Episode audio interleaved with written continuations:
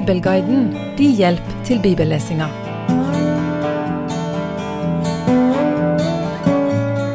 Sist gang leste vi i første Samuels bok, kapittel 11, der Saul vinner et viktig slag mot ammonittene. Og jeg påsto at dette var toppen av hans gjerning som konge i Israel. Etter dette går det sånn som jeg forstår det, nedover mot at han blir kasta som konge. Før slaget så mønstrer Saul folket med å true de til kamp. En kamp med seg sjøl og med Samuel, profeten, som ledere. En kamp som befester Saul sitt kongedømme, om enn for kort tid.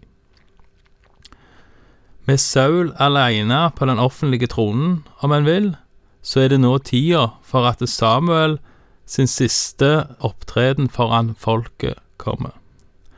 Samuel har gjort som folket ville, han har funnet de en konge, og kongen er salva. Samuel har hatt en veldig tjeneste for Gud og for folket. Jeg minner om at Samuel regnes for å være den første profet, og at hans liv var et resultat av ei barnløs kvinne som ba til Gud om å få en sønn. En sønn som hun som mor lovte en livslang tjeneste for Gud. Samuel sjøl fikk sånn sett ikke dette valget, men går inn i tjenesten fordi hans mor gir ham til øverstepresten Eli. Samuel vokste opp i Guds hus, i tabernaklet eller sammenkomstens telt, og er slik sett på mange måter en offentlig person ifra tidlige år. Hans liv blir trolig lagt merke til. Han vokser opp i Guds hus, men erfarer at Elis sønner forkaster Guds bud. Med andre ord, og på Samuel si tid, så var det å holde seg innenfor helligdommens vegger ikke en garanti for at en ikke ble utsatt for ugudelighet. Sånn er det vel òg i dag. Men Samuel vokste opp i tabernaklet, og han vokste opp hos Eli. Han blir kalt av Herren direkte i en historie mange kjenner fra søndagsskolen og fra barnebibler.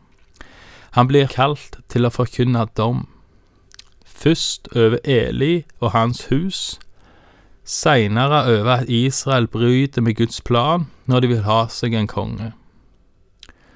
Men nå skal Samuel tale til folket for siste gang og holde regnskap med de, og igjen kommer Israels ønske om en konge opp. Vi leser fra første Samuels bok, kapittel 12, vers 1. Da sa Samuel til hele Israel, Se, nå har jeg hørt dere i alt det dere har sagt til meg, og satt en konge over dere.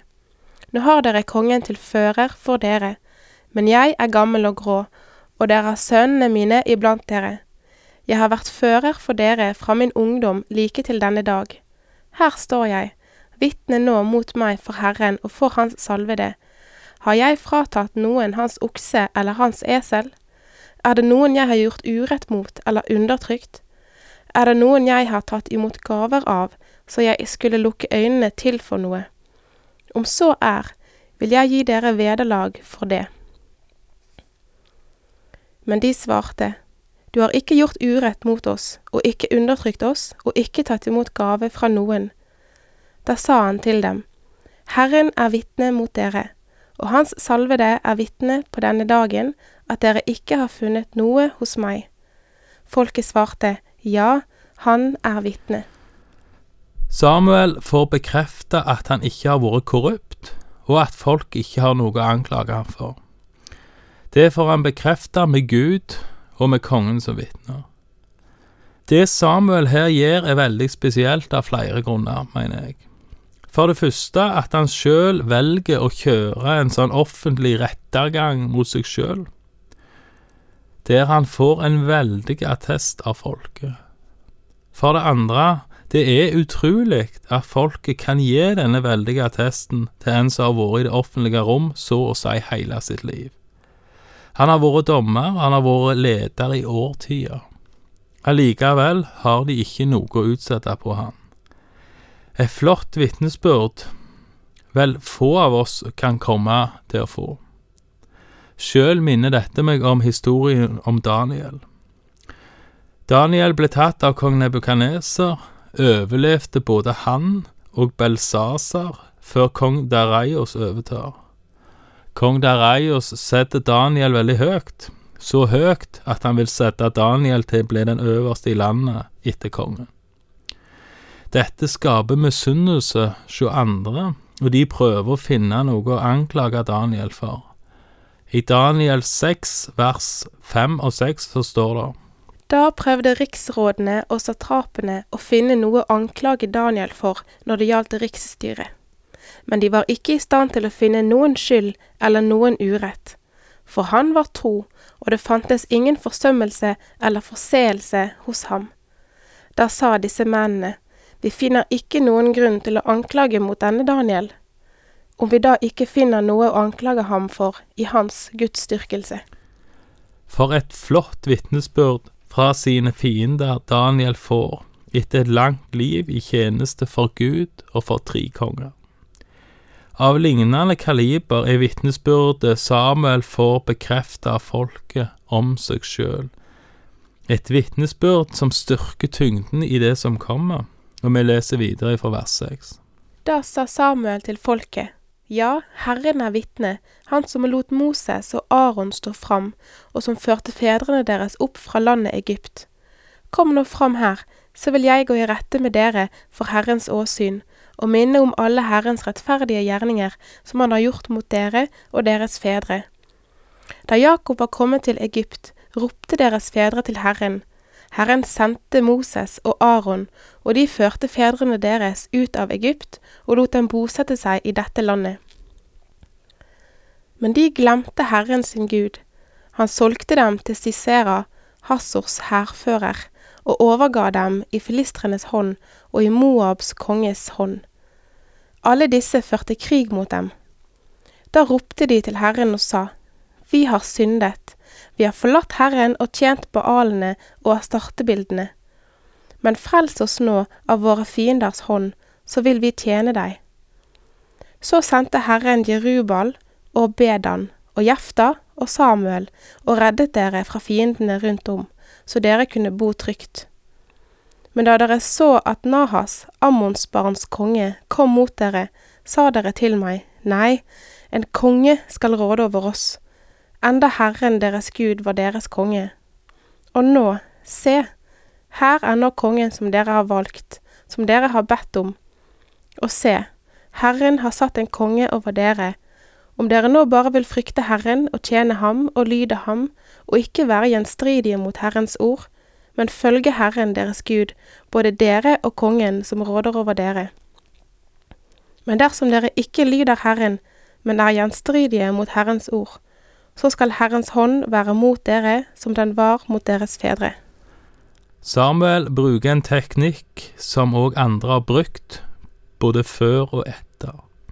Han gjengir historien og viser hvordan Gud har redda israelsfolket etter det ene fallet etter det andre.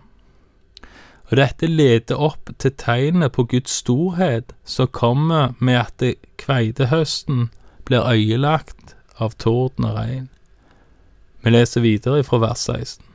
Så kom nå fram og se den store gjerningen som Herren vil gjøre for deres øyne. Er det ikke nå hvetehøstens tid? Jeg vil rope til Herren, og han skal sende torden og regn. Kjenn da og se hvor stor deres ondskap er, den som dere har gjort for Herrens åsyn ved å kreve en konge. Så ropte Samuel til Herren, og samme dag sendte Herren torden og regn. Da ble hele folket grepet av stor frykt for Herren og for Samuel. Og hele folket sa til Samuel, Be for dine tjenere til Herren din Gud, så vi ikke skal dø. For vi har lagt den misgjerning til alle våre andre synder, at vi har krevd en konge. Da sa Samuel til folket, Frykt ikke, dere har gjort alt dette onde, men forlat nå bare ikke Herren. Tjen Herren av hele deres hjerte. Vend dere ikke bort, slik at dere følger de tomme avgudene, som ikke kan hjelpe eller frelse, for de er bare tomhet. For sitt store navns skyld vil ikke Herren forlate sitt folk, siden Herren har funnet for godt å gjøre dere til sitt folk. Men jeg, det være langt fra meg å synde mot Herren ved å holde opp med å be for dere. Jeg vil lære dere den gode veien. Frykt bare Herren og tjen ham i sannhet, av hele deres hjerte. Se hvor store ting han har gjort for dere. Men gjør dere det som ondt er, da skal både dere og kongen deres gå til grunne. Samuel ropte på Herren, og torden og regn kom fra himmelen. Her kan en vel si at Gud bekrefter offentlig Samuel sitt virke. Profeten Eli er kjent for å be Gud sende ild når han er i strid med Baals-profetene på Karmel.